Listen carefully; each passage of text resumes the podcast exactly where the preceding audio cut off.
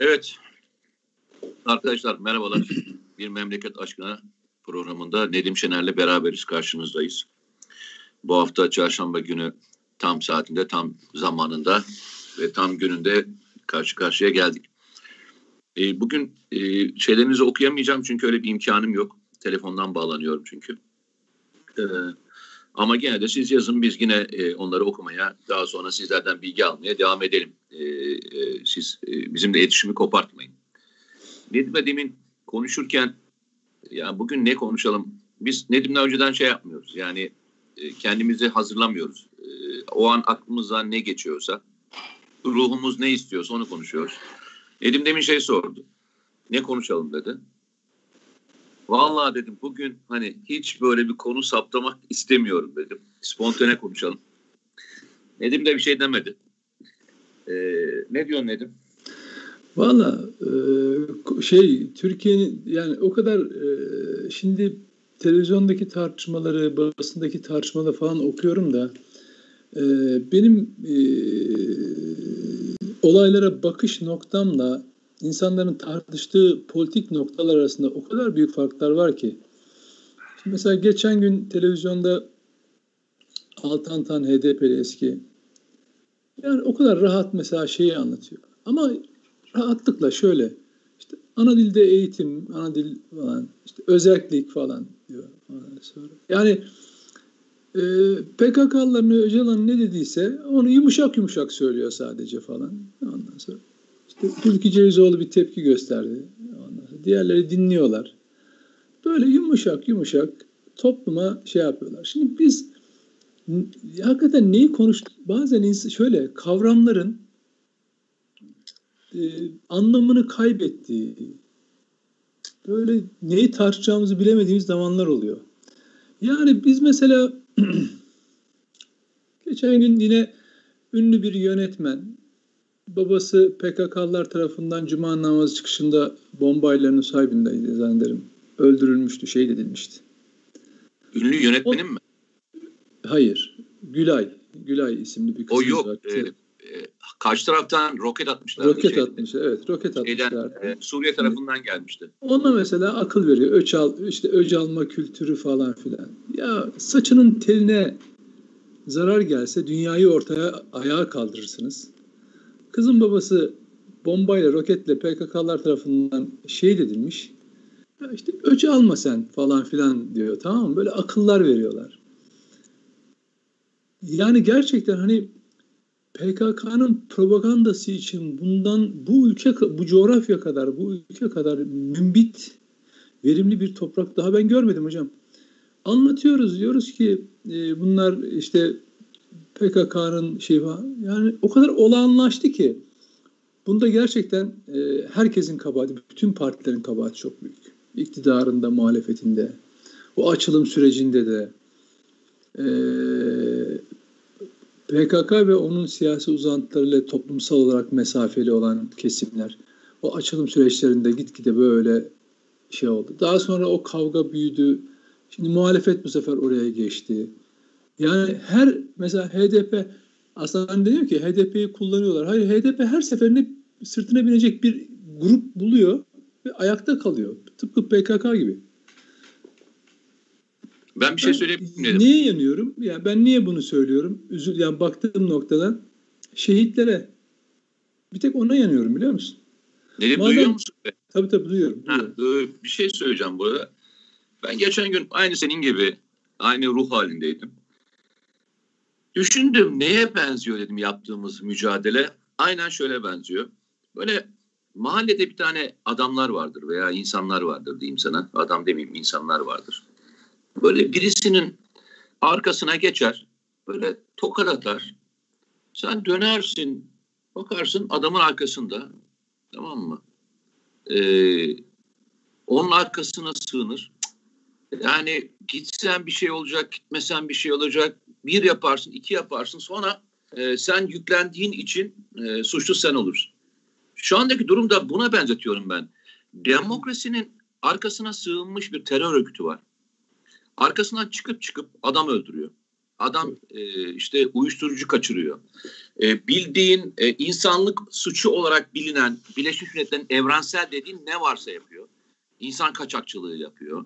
Etnik ve mezhepsel e, temizlik yapıyor. E, insanları evinden ediyor. Çocuklarını kaçırıyor. Yani dünyada bildiğin evrensel ne kadar suç varsa insan hakları örgütleri tarafından hepsini yapıyor. Ama o kadar e, şey yapıyor ki senin anlattığın gibi böyle bir şeyin arkasında benim tasvir ettiğim gibi demokrasinin arkasından geliyor yapıyor ve tekrar aynı yere çekiliyor. Sen lafı söylediğinde muhataplarınla şöyle bir e, dur. Sen şimdi demokrasiye laf mı söyledin? Evet. Sen şimdi yani sen şimdi parti kapatmaya e, şey misin yani parti kapatmayı teşvik mi ediyorsun? Evet. Ya sen şimdi yani insanların oylarının anlamsız olduğunu mu söylüyorsun? Evet. Mesela sen şimdi şey mi söylüyorsun? Yani insanlar görüşlerini ifade etmesinler mi?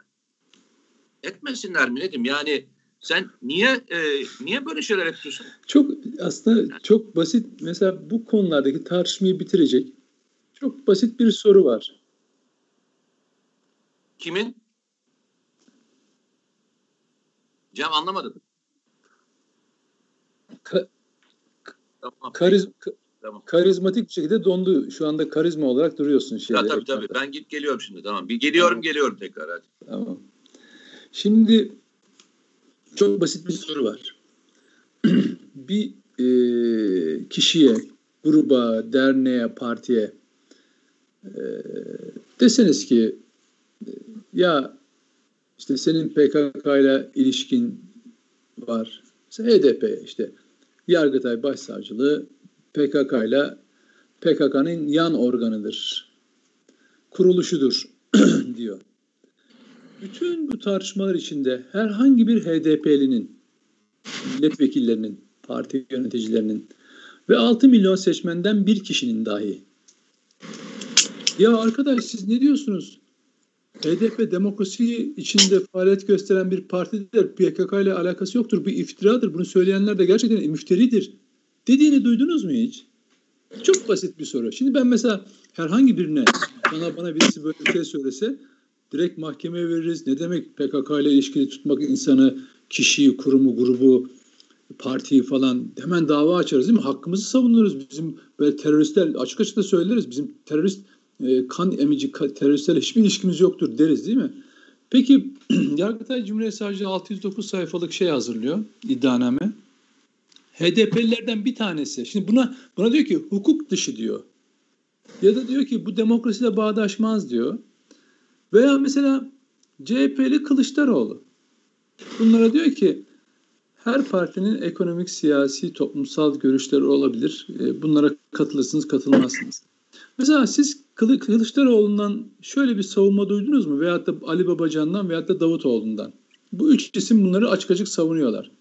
Ali, şey, Ali Babacan, Davutoğlu ve Kılıçdaroğlu. Yargıtay Başsavcılığı'nın açtığı iddianame karşısında hayır bizim de, siyasi partiler kanuna göre faaliyet gösteren HDP'nin PKK ile hiçbir ilişkisi yoktur dediklerini duydunuz mu? Böyle savunabildiler mi? Hayır. Demokrasi, hukuk, yargı siyasallaştı. Tamam bunlar böyle. Ben siyaseten soruyorum. Babacan, Davutoğlu ve Kılıçdaroğlu'na. HDP'nin PKK'nın yan kuruluşu olduğuna dair en ufak şüpheniz var mı? Hayır kendiniz söylediniz. Kılıçdaroğlu terörle arasında mesafe koysun dedi değil mi? Ben yine soruyorum ama. Bu HDP'yi savunurken, kapatma davasına karşı çıkarken herhangi birini şunu söyleyin. Söyleyin ikna olacağız. Kesinlikle HDP'nin PKK ile hiçbir ilişkisi yoktur. Burada terörist cenazelerine katılmamışlardır. Teröristlerin heykellerini dikmemişlerdir. Belediyelerden para aktarmamışlardır. HDP PKK'ya eleman devşirmemiştir. Terörist elebaşı Öcalan'ı övmemiştir. Bunları söylesinler ben ikna olacağım. Yani çıksın Kılıçdaroğlu veya Davutoğlu veya Ali Babacan çok çok savunuyorlar ya. Bunu söylesinler oradan başlayalım tartışmaya. Ondan sonra ben ikna olacağım ve onlarla beraber diyeceğim ki evet HDP kapatılmamalı. Çünkü bakın Kılıçdaroğlu diyor ki böyle böyle bunların hiçbir ilişkisi yokmuş. Söyleyemezler. Çünkü onlar da biliyorlar böyle olduğunu. Ve sadece temsil ettikleri bir arkasına altları oy sayısını arkalarına toplamak için e, oturup bu, bu şekilde tamam. sav, bu, bu şekilde savunmaya geçmeye çalışıyorlar. Niye? Onları yan, yanında tutsunlar diye. İşte kirli siyaset bu. Ben bunu söylüyorum. O yüzden alıştırıldı. Bu konularda en hassas olan gruplar yani işte ulusal, milli, milliyetçilik falan filan e, cenahlarda Atatürkçü falan nasıl nasıl etkisiz ve uyuşturulmuş hale geldi görüyor musun? PKK yani bir kişi de çıkıp CHP'den ya Sayın Kılıçdaroğlu siz ana muhalefet partisiniz. Atatürk'ün partisiniz. Allah aşkına Yargıtay Cumhuriyet Savcılığı'nın iddianamesini bir tarafa bırakalım. Kapatma davasını bir tarafa bırakalım.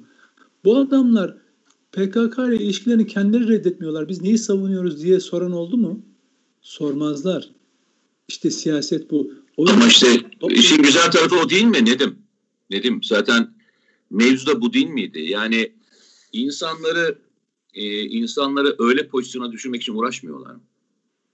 Yani demokrasinin bu kadar içinin boşaltıldığı, demokrasinin e, bu kadar çok hani e, tartışılı bir hale geldiği bir noktada e, neyi savunacağımızı, neyin arkasına duracağımızı bilmez noktaya getirmek değil mi insanlar? Yani ben bunun e, bilinçsiz bir şekilde yapıldığını e, hiç düşünmüyorum. Açık ve düşünmüyorum. Yani şöyle bir noktaya doğru gidiyor. E, bir müddet sonra şunu söyle. Hatta bunu ben duyuyorum başka yerlerde. Yani e, bunu söyleyen adamlar da oldu hatırlarsan çözüm sürecinde. E, yani silah bırakmayın diyen adamları biz gördük bu ülkede. Tabii tabii. Yani şimdi düşünsene bir terör örgütüne silah bırakmama tavsiyesi verilen bir ya, ülkeden bahsediyoruz ya. Ve bu adamlar yazar hala arkadaş. Siz ne diyorsunuz? Tabii tabii. Yani veya e, bu mücadeleler silahla yapılabilir. Başka türlü anlamam. Tabii tabii.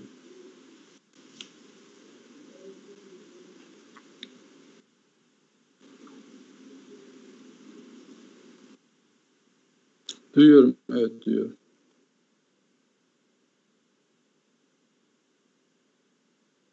Yok. Ya oradan e, bahsedecek bir konu yok. İzlediğim bir konu değil yani. Yani hiç izlediğim bir konu ben değil. Ben geliyorum. E, dolayısıyla e, biz oradan devam edelim. Yani o konu çok tartışılacaktır. Yani bir partinin bir şeyin şeyini konuşmanın benim için bir esprisi yok. Diğer partileri konuştum mu ki bunu konuşayım yani anlatabiliyor muyum? Belki onu daha bir de bilgi sahibi olmak lazım o konuda. Ankara e, kulislerine hakim olmak lazım. Dolayısıyla bizde e, benim de öyle bir maharetim yok. Ben sadece e, bu, bu, bu konuştuğumuz meseleler konusunda okumaya ve anlatmaya çalışıyorum. Şimdi e, Mete, Mete'nin... Nedim geldi e, mi ben? Tabii, geldim, geldi mi, döndüm mü? Geldi. Tamam. Ya bugün de maalesef ne, ya ne kadar güzel bir şey biliyor musun? Sabahtan beri telefon kim çalmaz? Tamam. Sabahtan beri telefon çalıyor şunda. Evet. Arayan arayanı arayanın haddi hesabı yok yani. Evet. Ya, yemin ediyorum Allah helal olsun yani. Vallahi. Hayır hayır olsun da. Ha? Yok Hayırlı yani hayır, olsun. Hayır hayır olsun. Ya tam sana şeyi söylüyorum. Sana şeyim e, şimdi tabii gün, gündem bazı konular var işte. E, demin duydum herhalde öyle söylediler. Ya biz siyasi konulara girmeyen adamlarız. Tabii canım. Yani AK Parti'de kim gelecek, kim gidecek Sayın Cumhurbaşkanı açıklar, kararını verir. Ondan sonra da üzerine konuşuruz. Ee, hani kulis takip eden e, insanlar değiliz. Sen takip ediyor musun kulis? Hayır asla. Yani ben ben de takip etmiyorum. Mete, hani... Mete şöyle bir şey. Çok enteresandır. Ee, hani beni böyle bazen siyasi olmakla hatta işte daha önce CHP'li, işte AKP'li, MHP'li falan diye bir yerlere yamamaya kalktılar. Ben hayatım boyunca bak mesela bugün kongre var değil mi? Bir sürü gazeteci çağrılıyor. Ben de işte hasbel kadar e, e, hürriyette yazıyorum. Ya bana bir davetiye bile gelmez böyle kongrelerde. CHP'den de, AKP'den de, MHP yani partiler beni ben gitmemişim. Hiç hayatımda hiç kongre görmedim. Nasıl yapılır bilmem. Çarşaf liste bilmem liste sadece okuduklarımdan bilirim. Yani görmedim hiçbir liste. Bugüne kadar liste görmedim hayatımda. Anlatabiliyor muyum? Ama şeyle e, nedir o? Partili olmak, partiye yakın olmakla falan şey yaparlar. Ben ama Türkiye'de işte masaların sandalyelerin üzerine çıkan gazeteciler haberlerini okudum kongrelerde. Ben kapısından geçmedim. Da, yani şunu söylemek, kapısından geçmeyi bırak. Davet dahi edilmedim. Yani hani öyle bir hani öyle, belki gideceğim diyorsun. yok yok hayır. Gitmeyeceğimi bildikleri için davet etmiyorlar zaten yani. Yani benim nerede durduğumu herkes çok iyi bilir. Ama hani sen CHP'lisin, AKP'lisin falan. Ya yok kardeşim bak ama gidenlere bak şimdi. Yani ben bir şey çoğu da görevini yapacaklar. Yapsınlar zaten. Parti e, aidiyatı gidenler de var. Gitsinler tabii ama yani bizi beni karıştırmasınlar. Ben parti işlerinden ne anlarım? Bana ne? Ya ben ülke yönetiminde bile e, kendimi söz sahibi görmem. Çünkü bir, öyle bir meşruiyetim yok. Yani toplumun bana verdiği öyle bir görev yok. Ben de böyle bir göreve talip olmadım. Ben sadece olaylara olayları millete anlatmaya çalışıyorum. Yoksa ülke yönetmek, herhangi bir bakanlığı yönetmek, efendim bir teşkilat böyle hani ona akıl vermek falan benim işim değil. Ben olayları o gördüklerimizi anlıyoruz, anladıklarımızı anlatmaya, aktarmaya çalışıyoruz. Öğrendiklerimizi aktarmaya çalışıyoruz. Buradan da yanıldıklarımız da olabilir. Hata yapacak yaptıklarımız da olabilir.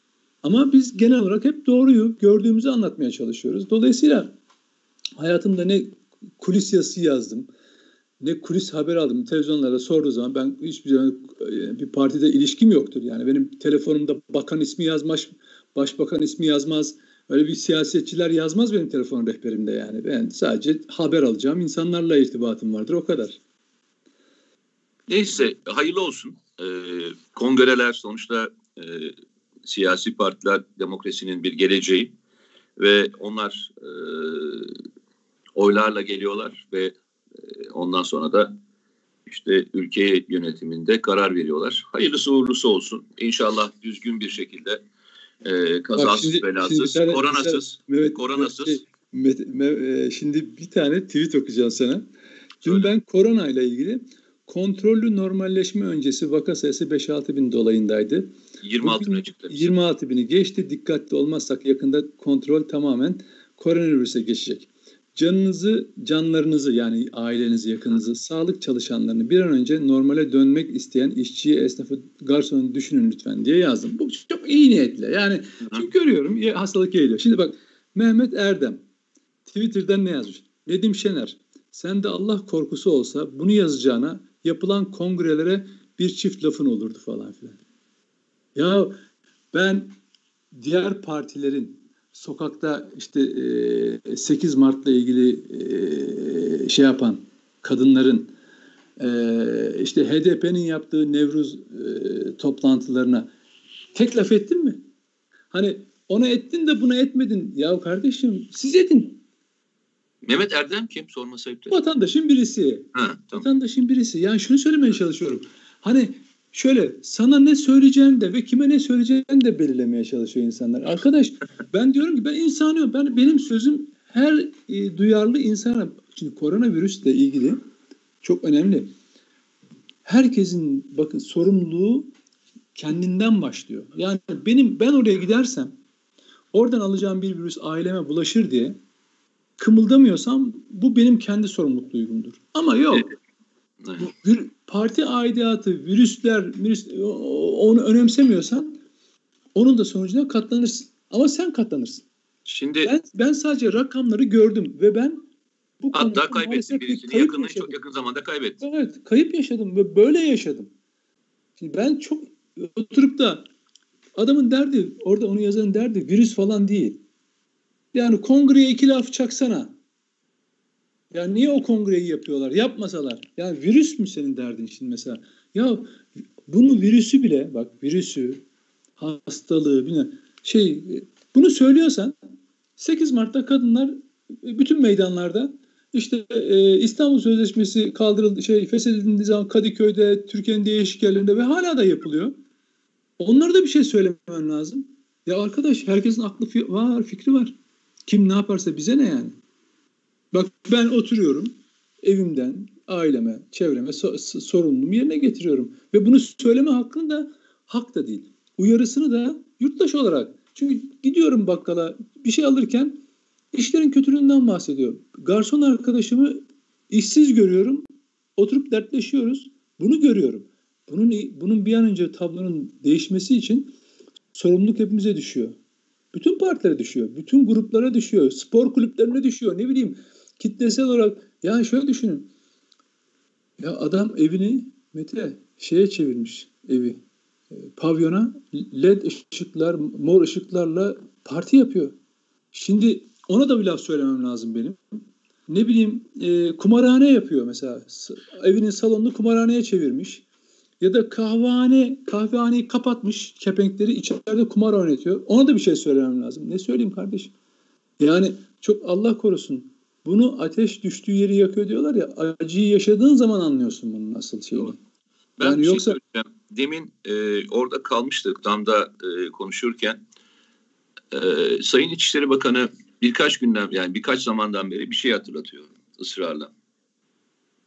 Türkiye'deki e, terör eylemlerinin aslında bitmediğini, terör eylemi yapmaya çalışan grupların olduğunu ve bunları önlediklerini söylüyor. Hatırlar mısın? Geçen gün bir rakam verdi. 26 tane e, büyük terör eylemini engelledik. 26 tane. Şimdi 26 rakamına bazı insanlar herhalde çok küçümsüyorlar gibi geliyor bana. Yani e, bir Genelkurmay Kavşağı'nı hatırlayın. Bir Kızılay'ı hatırlayın. Bir Gar'daki patlamayı hatırlayın. Herhangi bir tanesini herhangi bir yerde veya Beşiktaş'taki saldırıyı hatırlayın. Herhangi bir tanesinin gerçekleşmiş olmasını ve bunu 26 ile çarpın arkadaşlar. Ben e, sıklıkla bundan bahsediyorum ve bunu anlatmaya çalışıyorum. Terör örgütünün son dönemde Suriye'den giren e, ve yakalananların tamamının üzerinde patlayıcı var ve tamamının geçiş amacı yakalandıktan sonra konuşmalarına dikkat ettiysen, baktıysan Türkiye'de sansasyonel eylem veya suikast için geldiklerini söylüyorlar. Farkında mısınız? Evet. Ve e, bu bu kişiler devamlı geliyorlar. Yani öyle bugün yakalandı yok. Huduttaki birlikler neredeyse her gün iki veya üç tane e, farklı farklı yerlere patlayıcıları e, sokmaya çalışırken ve bunlarla ilgili emir aldıklarını söyleyen insanlar yakalanıyor. Ve yine insanlar da hani PKK terör örgütünün böyle işte Gara'da olduğu gibi insani taraflarını pas geçen de bir grupla hala mücadeledeyiz. Allah inşallah bizi sınamaz. Ben sana söyleyeyim. İnşallah bizi yine sınamaz. Yani Gara'da gördük ki Gara'da yaşananı e, Gara'da yaşanan olayı bile e, kendi tarafına çevirmeyi ve bunu farklı bir boyuta getirmeyi başarabilen bir örgütten bahsediyoruz. Evet. Yazıklar olsun.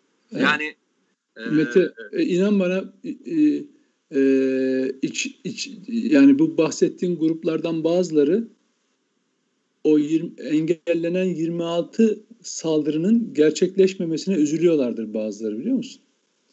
Keşke Hayır, ben sana o, söyleyeyim yani e, gerçekleşse bak ben sana söyleyeyim gerçekleşse diyecekler ki e, hani onlar hep onu öyle yaparlar. Devlet yaptırdı. Tamam mı? Engellesen e, zaten göreviydi. Şey diyecek ya çok basit ben onların kafasının nasıl çalıştığını biliyorum. Şöyle diyecekti kapatılma davasını daha da meşru kılmak için Aynen. E, derin devletin organize ettiği eylem diyecek. Aynen. Aynen yani, öyle. Onların kafaları o kadar anlaşılır. O yıllardan beri aynı numarayı çektiği için. Bak üstad şimdi bunu başka bir yerde söyleyebilirsin. Bunu başka bir yerde ifade edebilirsin.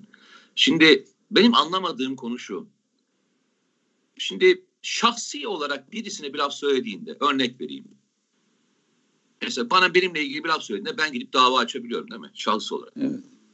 Ya bu devletin hiç mi sahibi yoktur be kardeş?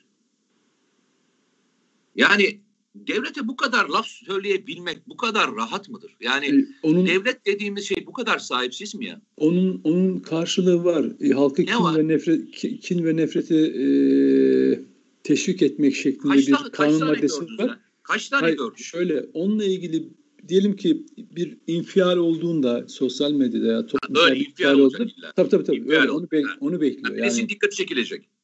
Aynen. O zaman bir dava açılıyor. Ve ne oluyor biliyor musun? Terör örgütünün o söylemini tekrar etmiş kişi kahraman edasıyla dolaşıyor ortada. Utanmıyor mesela. Ya bu söylediğim cümle, bu ettiğim söz bana mı ait, PKK'ya mı ait FETÖ'ye mi ait diye düşünmeden adam yaptığı e, sözün, ettiği sözün neye karşılık geldiğini hiç şey. Diyor ki mesela gözaltına alındım. İşte şey şöyle mesela e, çok enteresan bazen bazen bir şey, ağır suç işlemiş tutuklanıyor falan mesela birisi. Mesela serbest savcılık serbest bırakıyor. Ondan sonra mesela şöyle mesela hu, aynı hukuk sistemi birisini tahliye ediyor. Diyor ki zincirleri kıra kıra çıktık. Mesela yani mesela yargıç bırakmış olmuyor o zaman. Zincirleri kıra kıra çıktık falan filan. Ya şimdi Mete bak. E, bak pazar bir şey günü... anlatayım sana. Tam bununla ilgili bir şey anlatacağım. Evet. Ee, bu çözüm süreci iki ayısının olduğu dönemlerde Hakkari'de bir patlama meydana geldi. Bir minibüse, minibüs mayına bastı ve e, parça yani içindekilerin her biri neredeyse yanlış hatırlamıyorsam çoğu şey yani hayatını kaybetti. Bir kısmı e, geçici köy korucusuydu. Çünkü e, o köyden Hakkari'ye gelen yoldu kullananlar zaten korucu e, olan köyden gelenler. Büyük bir köydür orası. Anında şöyle bir şey e, yayıldı o dönemde. E, bunu özellikle fiili olarak da PKK e, yaydı. Dedi ki bunu o bölgedeki bulunan birlikler e, çözüm sürecini baltalamak için e, yaptılar. Tamam mı? Arkasından devlet mayın üzerinden, mayının parçaları üzerinden bir parmak izi buldu. Tamam mı? O parmak izini takip ederek de faili yakaladı abi. Arkasından bu arada köye taziye gitti e, şeyler. siyasetçiler, bir kısım siyasetçiler yani e, taziye şey taziyelerini ve e, üzüntülerini belirtmek için gittiler abi. Arkasından şey ele geçirildi. Telsiz dinlemelerinde emri veren şahıs tespit edildi. Daha sonra eylemi yapan şahsın da itirafları ortaya kondu. Abi ee, şöyle bir rahatlıkla bu bir kaza sonucu olmuştur. Ee, bu e, eylemi isteyerek yapmamışlardır. şeklinde rahatlıkla çekilip sıyrılıp gittiler biliyor musun? Devleti suçlayan kişiler Nedim tamam mı? Bunun tam tersi çıktığında hiçbir şey olmamış gibi o kadar rahat ve o kadar böyle keyifle çıktılar gittiler ki kimse de ya siz evet. ne diyorsunuz kardeşim? Ee, yaklaşık neredeyse bir aydan beri e, bir kö- korucu köyüne devletin saldırı düzenlediğini söylüyorsunuz. Demedi evet. biliyor musun? Tabii. Yani e, ya bazen hani yoruluyorum yemin ediyorum. Yaşadıklarımı, gördük, olayı, olayı, duyduklarımı. Ben ha? böyle karmaşıklaşmış süreli süre alan olaylarda, bir uzun sürmüş olaylarda hep basit sorularla gitmek taraftarıyım. Yani o bahsettiğin konuda. E, o susan insanlara karşı. Ya ben sana diyorum ki PKK terör örgütüyle ilişkin var parti olarak. Sen ne diyorsun? Çok basit soru. Bunu savunanlara bu, bunların e, bırakın iddianameyi falan. PKK ile ilişkisi var mı yok mu? Çok basit sorular üzerine. Ya şu, mesele şu biliyor musun? Ama o zaman ne diyor biliyor musun? Cevap şöyle. Cevap şöyle. Sen insanları nasıl böyle bir soru sorarak e, taciz edersin Nedim Şener? Evet öyle. Çok ha? her şey tabii tabii her şey elinden almaya çalışıyor. Ben nasıl yani adam söylemek zorunda mı PKK terör örgütü demek zorunda mı? Niye öyle şeyler soruyorsun ki ya? Doğru. Ya gerçekten sen bazen Doğru, öyle yapıyor. niye soruyorsun ki böyle tuhaf şeyler yani? Şimdi ben, ben Çünkü normalde biliyorsun dünyada terör legal bir şeydir. Evet. Parantez içinde. Çünkü yani normalde şeyi soruyorsun ya adama Tabii. şunu soruyorsun. Hangi takımı tutuyorsun diye soruyorsun. Tabii. Aynen. Adam öyle. siyasetçi. E, örgütü destekleyen konuşma yapıyor. Örgütü destekleyen konuşmanın arkasından da kardeşim siz PKK'yı ne olarak görüyorsunuz ya? Ne olarak görüyorsunuz diye soru soruyorsun değil mi? Hani şöyle yapmıyorsun. Yoldan geçen birisini çevirip ya arkadaş PKK'la ne ne düşünüyorsun falan diye sormuyorsun değil mi? Böyle sormuyorsun değil mi soruları? Evet. Yok ona sorsan daha net cevap verir zaten. İlginç ya. Hani nasıl oluyordu yani? Nasıl nasıl sorarsın böyle bir şey? Nasıl evet. nasıl sorarsın? Şimdi e, ben bugünkü yazımın girişinde e, daha önce de bir, bir, bir yerde de söylemiştim.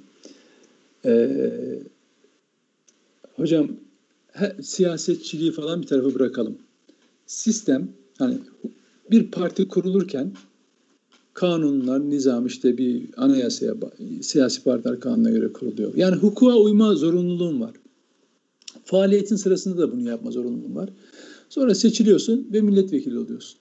Ve seni milletvekili kürsüsüne geldiğin zaman vicdanın, namusun ve şerefinle o kürsüde baş başa kalıyorsun. Ne için? Anayasaya bağlılık konusunda.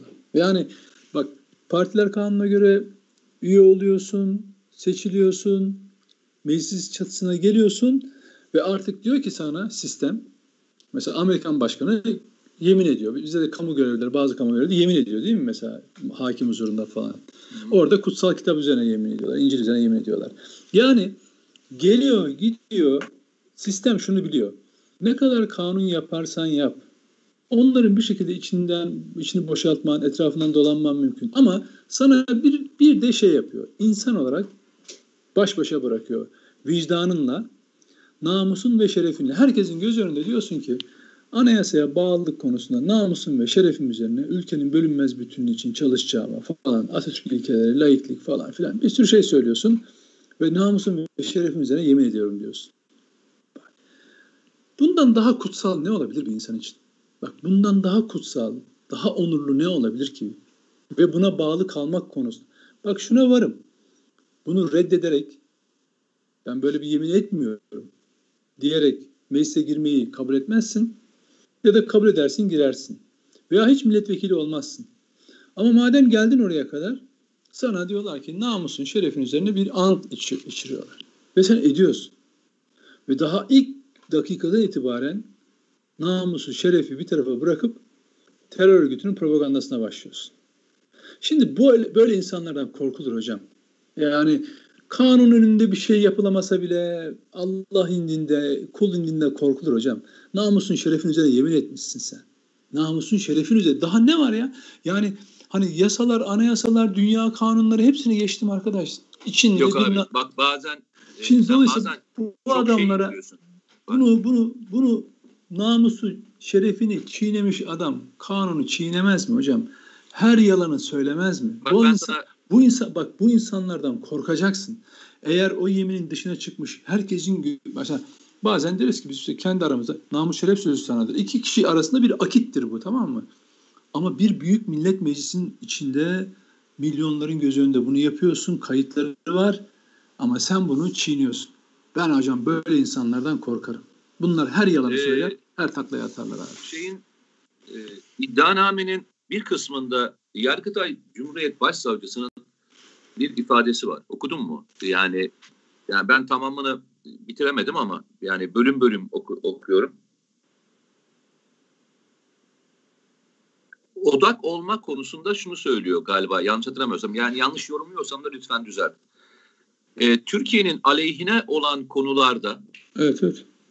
Hiçbir ulusal menfaat konusunda ulusal menfaat konusunda yan yana bulunmamıştır diyor. Tabii. Tam tersine tabii, menfaati e, karşı tarafta olan grupla hareket edildiğini yani bunu evet, Türkiye'deki gruplardan bahsetmiyor yurt dışı gruplarından da bahsederek evet, tabii, tabii. Yani Türkiye'nin lehine... Yani düşmanla, Türkiye, düşmanla işbirliği yapıyor diyor ya açıkçası. Şimdi düşünsenize ya. Yani işin terör kısmını mı alacaksın, işin başı kısmını mı alacaksın, işin başka bir boyutuna mı gideceksin? Ya yani dedim insanlar tabii ki iddianameler e, sonuçlanmadığı müddetçe iddia olarak kalırlar.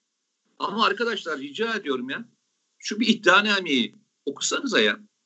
Şu iddianameyi bir okusanız arkadaşlar ya. Hani hani siyasetçiler olarak bir okusanıza e, Yargıtay Başsavcısı neyle suçluyor e, insanları, neyle suçluyor bir okuyun. Hani yeterli görmeyebilirsiniz. Diyebilirsiniz ki kardeşim doğru değil diyebilirsiniz. Bunların her biri ama bir okuyun ya. Bir okuyun. Okuduktan sonra diyelim ki kardeşim yok ya hani evet ben burada şu eksiği gördüm. Yok abi. Yani işin ta başında başlayan bir e, tuhaflık silsilesi devam ediyor. İkinci bir konu daha açacağım seninle müsaade edersen. Tartışamadık çünkü geçen günlerde de oldu. Bu andımız hikayesi biliyorsun vardı. Geçen gün bir anket yayınlandı. Ee, şimdi ismini hatırlayamıyorum ama e, Türkiye'de andımızın okutulmasına e, hani isteyen ve arzulayan e, kişi sayısı yüzde 76 diye. Gördün mü onu? Evet. Yüzde 76. Yani yüzde 76 rakamı bayağı hani ciddi bir rakam. Ee, peki arkadaşlar soruyorum yani MHP dışında bu konuda net tavrını koyan başka kimse var mı? Yani yüzde 76'lık bir oy muhtemelen İyi Parti'den de CHP'den de değil mi? Tabii. Ee, vardır. AK Parti'den de vardır. Ya soruyorum ya e, yüzde 76'nın içerisinde size de oy verenler varken bu konuda fikriniz nedir diye merak ediyorum ya. Yani yüzde 76 öyle ufak tefek bir e, o şey değildir. Yani güç değildir. Örnek vereyim sana. Türkiye sınır ötesi operasyonları yaptığında oran yüzde 80'ler civarındaydı. Tabii. Veya PKK konusu olduğu da yüzde 80'leri bulur hep şey Türkiye'deki destek. Ben anlamakta zorlandığım için soruyorum. Hani Türkiye'de her zaman şey çok önemli ya. insanların katılımı, insanların fikirleri, düşünceleri ve diğerleri hep konuşuyoruz da. Yüzde 76 andımız konusunda bu kadar e, hassas bir şekilde destekliyorsa e, bu konuda ne yapılması, ne yapılmak, e, yani ne yapılacak? Hiçbir şey yapılmayacak o belli. Öyle ee, çünkü durumdan herkes çok memnun. Çünkü bunu e, ırkçı bir metin olarak etiketlediler. Andımız bir itibar suikastine uğradı. E, dolayısıyla e, oradan o, o, o, o kelimenin altına o e, yani şöyle iktidar zaten ona yanaşmıyor. AKP ona yanaşmıyor. O görüyoruz orada. Muhalefet de çok sahiplenmiyor. Çünkü e, şey kompleksi içinde. İşte ırkçı damgasını yiyecek diye e, şey yapıyorlar, korkuyorlar. Dolayısıyla e, e, bence öyle kalacak. Yani yazık ama e, bir yönetmelik değişikliğiyle yapılabilirdi. Çünkü o metin öyle bir metin değil, ırkçı bir metin değil. onu okuyan, onu hazmetmiş olan hiçbir insan ırkçı olmamıştır. Zira son cümlesi ne mutlu Türk'üm diyenedir yani ne mutlu Türk'üm olana değil diyenedir. Ama e, hani o araştırma evet biriyle bazen bazı anket şirketlerine hakikaten benim hiç güvenim yok. Sıfır yani. Adam tamamen zaten siyasi bir meşrebi, meşrebi var. Onun altını dolduracak anketleri yayınlayıp yayınlayıp duruyorlar. Sosyal medyada çok var böyleleri. O bilimsellik yani o örnekle örnek grupları öyle bir seçersiniz ki öyle bir şey yaparsınız. Evet sorsanız o anket rakamları çıkar ama o gruplardan çıkar o. ama ben yine de büyük çoğunluğun Türkiye'nin andımızı istediğini e, biliyorum. Çıktın sokakta konuştuğun zaman yok ya ırkçı metindir falan diye bir şey yok ama yazılı çizili ortamda bunu böyle şey yapanlar var. Yani kötü olan şu biz bunları söylüyoruz ulusalcı ulusalcı diye şey Şimdi yerli milli diye e, e, çok konuşuyor insanlar. E, budur arkadaş yani andımız bunun bir parçasıdır. E, onu okuduğu için hiç kimse ırkçı olmadı bu ülkede. Aynı tartışmanın, e, aynı tartışmanın olduğu dönemlerde hatırlarsan adam şunu söylüyordu. Yani bayrakları her tarafa asıyorsunuz diyordu. Hatırlıyor musun? Tabii. E, arkasından e, dağa taşa yazı yazıyorsunuz diye başlayan süreçlerle geçtik. Evet. O dönemleri e, çok çabuk unuttuk. Yani şöyle mi e, birileri bir şeyden hoşlanmadı diye e, her şeyden vaz mı geçeceğiz ya? E, şeyimiz o. E, hani insanların bugün birçok olay konusunda ben diyorum ya hani Ulusal Güvenlik Strateji Belgesi Amerika yayınlıyor. Bizim böyle bir belgemiz, topluma açıkladığımız belgemiz yok. Biz anladıklarımızdan bir şeye ya da olaylardan bir sonuç çıkarmaya çalışıyoruz ve stratejinin ne olduğunu anlamaya çalışıyoruz. Hani paradigmalarımız. Bizim eskiden hani bir programda da şöyle konuşmuştuk ya. Eskiden bizim paradigmalarımız belliydi. Dost, düşman, ittifak, müttefik neyse biz bunları biliyorduk. her Kıbrıs konusunda ne söyleyeceğimizi biliyorduk. E, Türkiye'deki iç meseleler, bölünme konusunda ne diyeceğimizi biliyorduk. E, saldırı Yunanistan'a ne diyeceğimizi biliyorduk. Ege'de, Akdeniz'de ne ama şimdi her an için bunların değişebileceği bir süreç yaşıyoruz. O yüzden de insanlar şöyle yapıyor. Mesela bir karar alındığı zaman ya da herhangi bir yerden bir mesela işte Biden bir şey söyledi. Şimdi bekliyor insanlar ya buna ne tepki vermek lazım? Hmm. Ankara'ya bakıyor. İşte Cumhurbaşkanlığı ne diyecek veya bir bakan ne diyecek? Ha ona göre pozisyon alıyor falan. Ya arkadaş sen e, kaç yaşına gelmiş adamsın, insanlarız.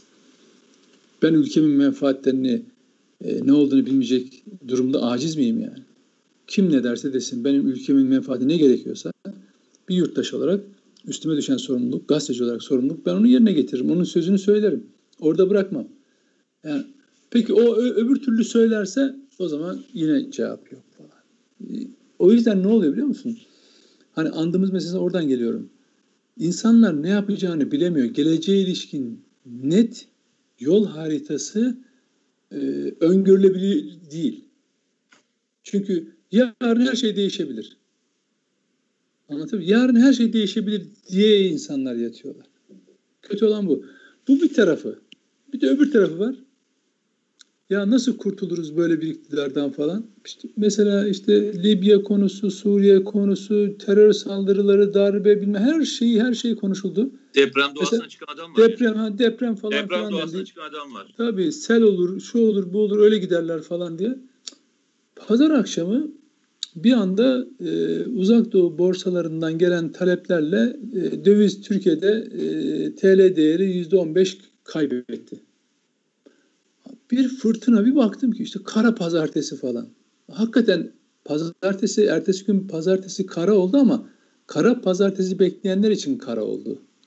Yani hiç utanmadılar ya. Yani ülkenin bir şu var ülkenin dövizinin şey, TL'nin değer kaybetmesinin bu ülke üzerine yaratacağı etkiyi hiç düşünmeden bunun bir dış saldırı olabileceği ihtimalini de göz ardı ederek bu oluyor diye yarın dolar 10 lira, 12 lira görürsünüz şöyle paralara el konacak, bankalardan para çekilmeyecek falan filan. Hadi teröristleri, PKK'ları, FETÖ'cüleri falan. Aklı başında iktisatçıyım, işte gazeteciyim falan diyenler de bunu söylediler, yazdılar ya. Peki ertesi gün ne oldu? Sıfır tıs dolar gerileyince tekrar işte TL e, fiyatı gerileyince e, hiç kimseden ses çıkmadı. Ya arkadaş hani dolar doların tek başına düşmesi e, bir ekonomi için aman ne kadar iyi bir olumlu rakam değildir. Fırlaması evet iyi bir şey değildir ama tek başına da bir anlam ifade etmez. Onu birçok göstergeyle yan yana koyacaksınız. Ekonomi diye öyle bir bilim var zaten. Yani dolar geldi bir alım sığ bir piyasada fırladı. Sen diyorsun tam ülke battı. Ve bunu manşet attı mesela gazete. Batıyoruz diye falan. Ya peki dün attın o manşeti. Batıyoruz diye. Bugün aynı durumdayız. Hani tamam iyi değiliz de aynı durumdayız. Batmadık yani. Yani hocam ülkenin felaketinden büyük keyif alacak gruplar yetişmiş. Peki e, şunu, ülke, bak, şunu ülke, söyleyemez peki, miyiz? Bir şunu de, söyleyemez miyiz dedim. Peki, cümlemi tamamlayayım bak. Ha, bir buyur. ülkeye de bir ülkeye verili bir ülkenin başına gelecek en büyük bela o ülkenin batmasından keyif alacak nesiller yetişmiş olması. Böyle bir grup var. Ve adam ve insanlar gerçekten ülkesinin zora gitsin de bunun için göbek atan, darbe olsun da alkışlayan, kadeh kaldıran, ne bileyim ben, e, sınır ötesi operasyonlarda askerleri şehit olsun da bu rakamlar artsın diye dua eden bir bir bir grup var ve bir ülkenin başına gelebilecek en büyük felaket de budur zaten. Ve bunların da en önemli özelliği hani yazar çizer takımın içinde olması. Yani gerçekten Türkiye'nin en büyük başına gelmiş olan bela böyle bir şeydir. Her ülke tabii yapıcı öneri, e, ekonomi konusunda hepimizin bir şeyler söyleyebilecek, söylemesi, söyle, eleştirilerinin olması doğal. Ama bakıyorsun kardeşim e, dolar yükseliyor diye kara pazartesi ilan ediyor. Ertesi gün dolar gerileyince hiçbir ses çıkarmıyor. Anlıyoruz ki o pazartesi kara pazartesi bekleyenler için bir kara pazartesi oluyor. Peki ben e, şu soruyu sorayım sana. Ben sonuçta ekonomi e, yazarlığı yaptım. Daha çok ekonomi muhabirliği yaptım. Çok uzun süre. Hrant Dink'e kadar da seni e, evet. Türkiye böyle tanıdı. Doğru mu? Türkiye o zaman beni tanımadı zaten ekonomi yazarken. Yok yok. Yo. O zaman da o zaman da yazdığın kitaplar ve diğer şeylerim var yani. Ben şunu soracağım sana.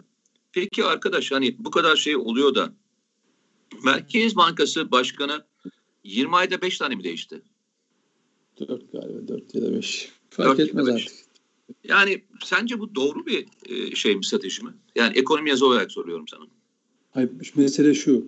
E, faiz politikası yani faizin belirlenmesi politi- şeyi bu şeyi gösteriyor. Hükümet içindeki bu konuda bir koordinasyon eksikliği e, ni gösteriyor. Yani hüküm, yani şimdi her hükümet bir ekonomi politikasıyla seçmeninden o ister. Tamam. Dersin ki ben düşük faiz politikasıyla işte genişlemeci ekonomi der. Birisi der ki hayır ben yüksek faiz politikasıyla daha tasarruf, daha daraltıcı bir politika. Yani böyle seçenekler vardır. Tamam.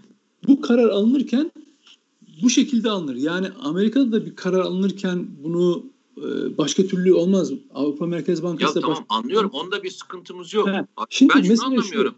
Şu. Sonuçta Merkez Bankası Başkanı'nı onlar yani hükümet atamıyor mu yani şey veya Cumhurbaşkanı atamıyor mu? Tamam.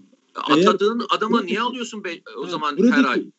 Buradaki buradaki alma gerekçesi faiz politikasında o %19'a çıkmasıysa bunun sebebi araştırmalı. Kardeşim bir dakika bu kararı beraber almadık mı? Ben şaşırdığım şey şu. Görevden alınan adam Naci Abal müteşekkirim falan diyor görevden alınmayla ilgili. Orada da bir gariplik yok mu? Ya ben şimdi ben demin sana söyledim ya e, bazı şeyler vardır ki örnek vereyim sana. Hani tasavvufta da bu çok geçer. Ee, adam birisi sana ensesine vurduğunda dönüp bakarsın bu bir harekettir. Dönüp vurursun başka bir harekettir. Ya da ben ne yaptım ki hangi cüretle benim enseme tokat atıyor diye de düşünürsün. Tasavvufta böyle bir düşünce tarzı vardır. Ben ben nasıl bu cesareti ona verdim dersin. Şimdi ben de soruyorum arkadaşlar yani e, 20 ayda Merkez Bankası'na 5 tane başkan abi niye atan, atanıyor, niye geri alınıyor? Niye geri alınıyorsa niye haber? Ya bir şey söylenmesi gerekmiyor mu? Evet. Yalnızca e, çok önemli bir kurum değil mi? Yani Merkez Bankası dünyanın her tarafında bağımsızlığıyla bilinen özel bir kuruluş değil mi? Özel bir kurum değil mi? Tamam Trump da Merkez Bankası Başkanı'nı görevden aldı. Örnek veriyor öyle, öyle veriyorlar. Ama abi 20 ayda 5 tane dediğinde başka bir şey oluyor. O zaman o zaman şu soruyu herkes sor, soracak. Evet birileri bunu yapacak. Soruya şöyle soracağız. Ne oluyor arkadaş? 20 ayda 5 tane başkanın görevden alınma sebebi nedir? Soracağız abi. Evet. Sormazsak da olmuyor işte yani. Soracağız. Neden? Neden 5 tane aldınız? Birisi açıklayacak tabii. Evet. 50 dakikadır beraberiz. Ee, Valla bugün biraz spontane gittik arkadaşlar. Yani kusurumuza bakmayın. Şimdi demin sözüm yarıda kaldı. O yüzden iki de bir telefon çaldığı için. Sözüm şuydu. E, yorgun hissediyoruz ama sonra dönüp bakıyoruz. E, canına ortaya kayan yiğitleri görüp e, tekrar güç alıp yola gidiyoruz. Ama yorulduğumuz konu şu. Biz buraya nasıl geldik kardeşim? Sorusu hepimizi yoruyor. Nedim'i de yoruyor, beni de yoruyor. Biz nasıl oldu da buraya savrulduk kardeşim? Hep beraber bugün biz bitirdikten sonra hep beraber bir düşünelim arkadaşlar. Ben, ben onunla ilgili bir cümle söyleyeyim. Peki lütfen. Ee, ben buraya nasıl savrulduğumuzu adım adım tarih tarih isim isim Yok sen söyleme. Çok ben uzun, uzun diye söylüyorum. Mesele şu. Ee, mesela teröristler ve mesela teröristlerin hiç şöyle bir şey yaptığını duyduk mu?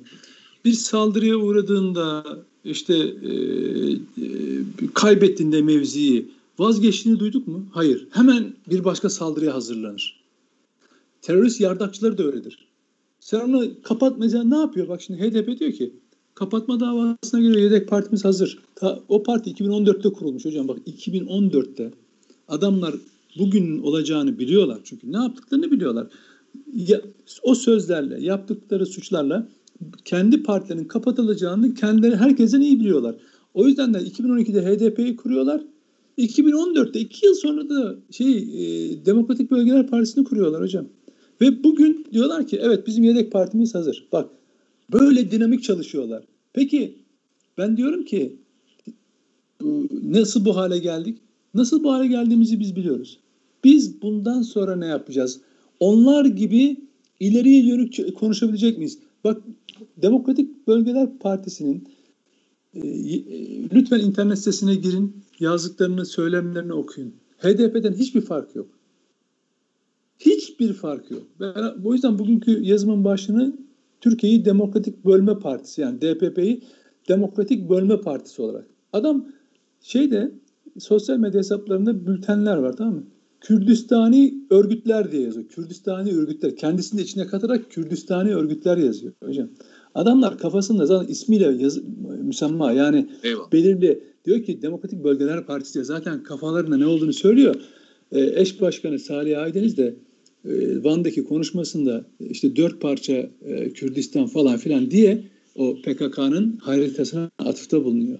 Şimdi sen bunu bak ben diyorum ya o yüzden HDP değil 5 değil 7 değil 55 105 defa daha yazsa kapatacaksın. Terörle mücadele böyle yapılır. Şimdi Eyvallah. niye Eyvallah. bunu söylüyorum? Geçmişi düşünüp de bilmem ne. Bugün ne yapacağız? Bak adamlar 4 yıl bugün 2010 e, 21 7 yıl önceden bu partinin kapatılacağını biliyorlar. Çünkü o suçları işleyenler başka türlü bir işlem göremez. Kanunda karşılığı belli. Yedek partide kurmuşlar. Bu dönemin başında 2018 değil mi seçimler? 2018 seçimlerinde yani son genel seçimlerde bir milletvekili bir tane Diyarbakır milletvekilinde HDP'den istifa ettirip DBP'ye geçirmişler. Mecliste de şu anda temsil ediyorlar. Bak bak adamlardaki zekaya bak. Sırıtarak Mithat Sancar'a diyor ki evet diyor yedek partimiz hazır bizim diyor. Oo, biz ne tartıştık Eyvallah. aylarca Mete? Eyvallah diyelim HDP'ye ve bitirelim. davası açılsın mı açılmasın mı diye. Daha çok bizim bu işlerde e, kafa patlatmamız lazım kardeşim. Eyvallah. Ee, arkadaşlar kendinize çok iyi bakın. Ee, inşallah cumartesi günü e, tekrar Nedim'le beraber karşınızda olmak dileğiyle. Ee, Allah'a emanet olun. Kendinize iyi bakın arkadaşlar. Evet. Koronadan lütfen uzak durun. Ee, bu dal geçilecek bir konu değil. Ee, sayılar, ölüm sayıları yine yükseliyor. Dün e, 138 yanlış hatırlamıyorsam o, o rakamı tekrar e, gördü. Lütfen, lütfen kendinize dikkat edin arkadaşlar.